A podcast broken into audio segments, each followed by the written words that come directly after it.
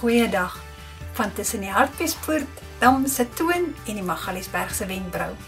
Vandag gaan ons gesels ons oor wat om te doen wanneer 'n mens snags wakker lê. Ek kan nie slaap nie, sê 'n vriendin nou die dag. Gebeur dit soms dat jy ook moedeloos rondrol wanneer die slaap wegbly? In die Bybel het dit ook so gebeur. Ons lees in Ester 6 vers 1 tot 3. Koning Ahasveros kon nie slaap nie. Hy laat haal toe die koninklike hofrekord. Dit is 'n geskiedenisboek wat handel oor die magtige dade van die koning. En hy stel toe vas Mordegai, koning en Ester se oom, is nooit vergoed vir 'n weldaad wat hy gedoen het nie.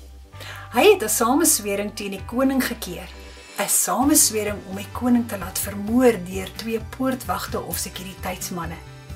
En hy stel toe vas dat Mordegai nooit vergoed is vir sy weldaad nie en hy besluit om hom te vereer.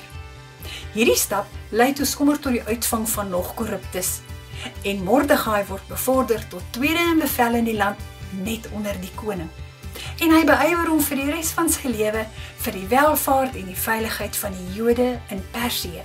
Dis nou vandag se Irak. So 'n koning se slaaploosheid kan lei tot 'n kantelpunt in die geskiedenis van 'n volk. Dit kan ook vir en met jou gebeur. Wanneer jy byvoorbeeld nie kan slaap nie en snags rondrol, dink 'n bietjie oor jou familie se storie.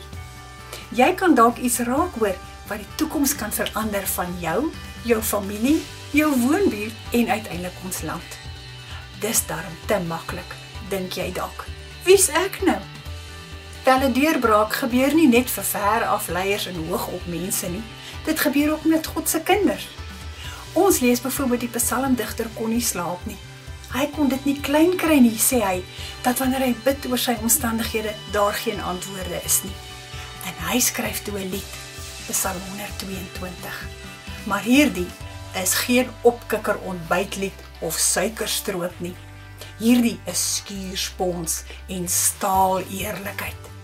Die psalmdigter skryf, sy omstandighede is soos oopbek leeu's wat op hom afstorm. En sy eie beperkte vermoëns en die van sy volk en sy land laat hom magteloos voel. So wat lei ons hier uit af? Wanneer mense slaappatroon ontwrig is, deel met God jou vroeg woorde.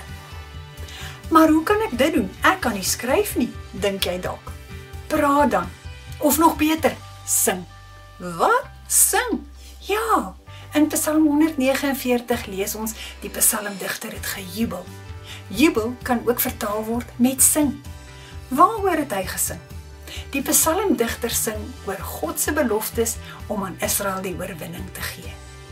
Ah, so dis waarom Paulus en Silas in die tronk gebid het en in die tronk gesing het in Handelinge 16. Net so.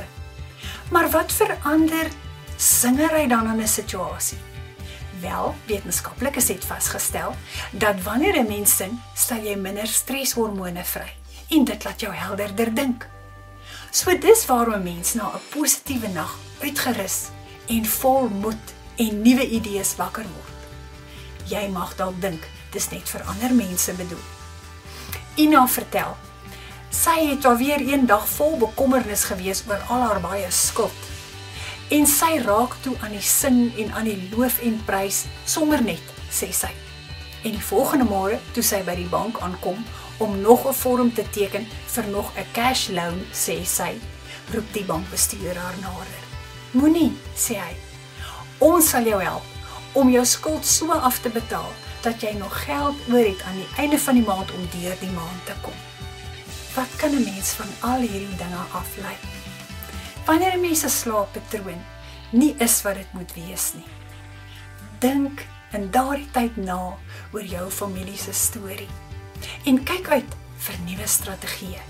Vertel die Here hoe jy voel diep binne in deel daai wrogings van jou.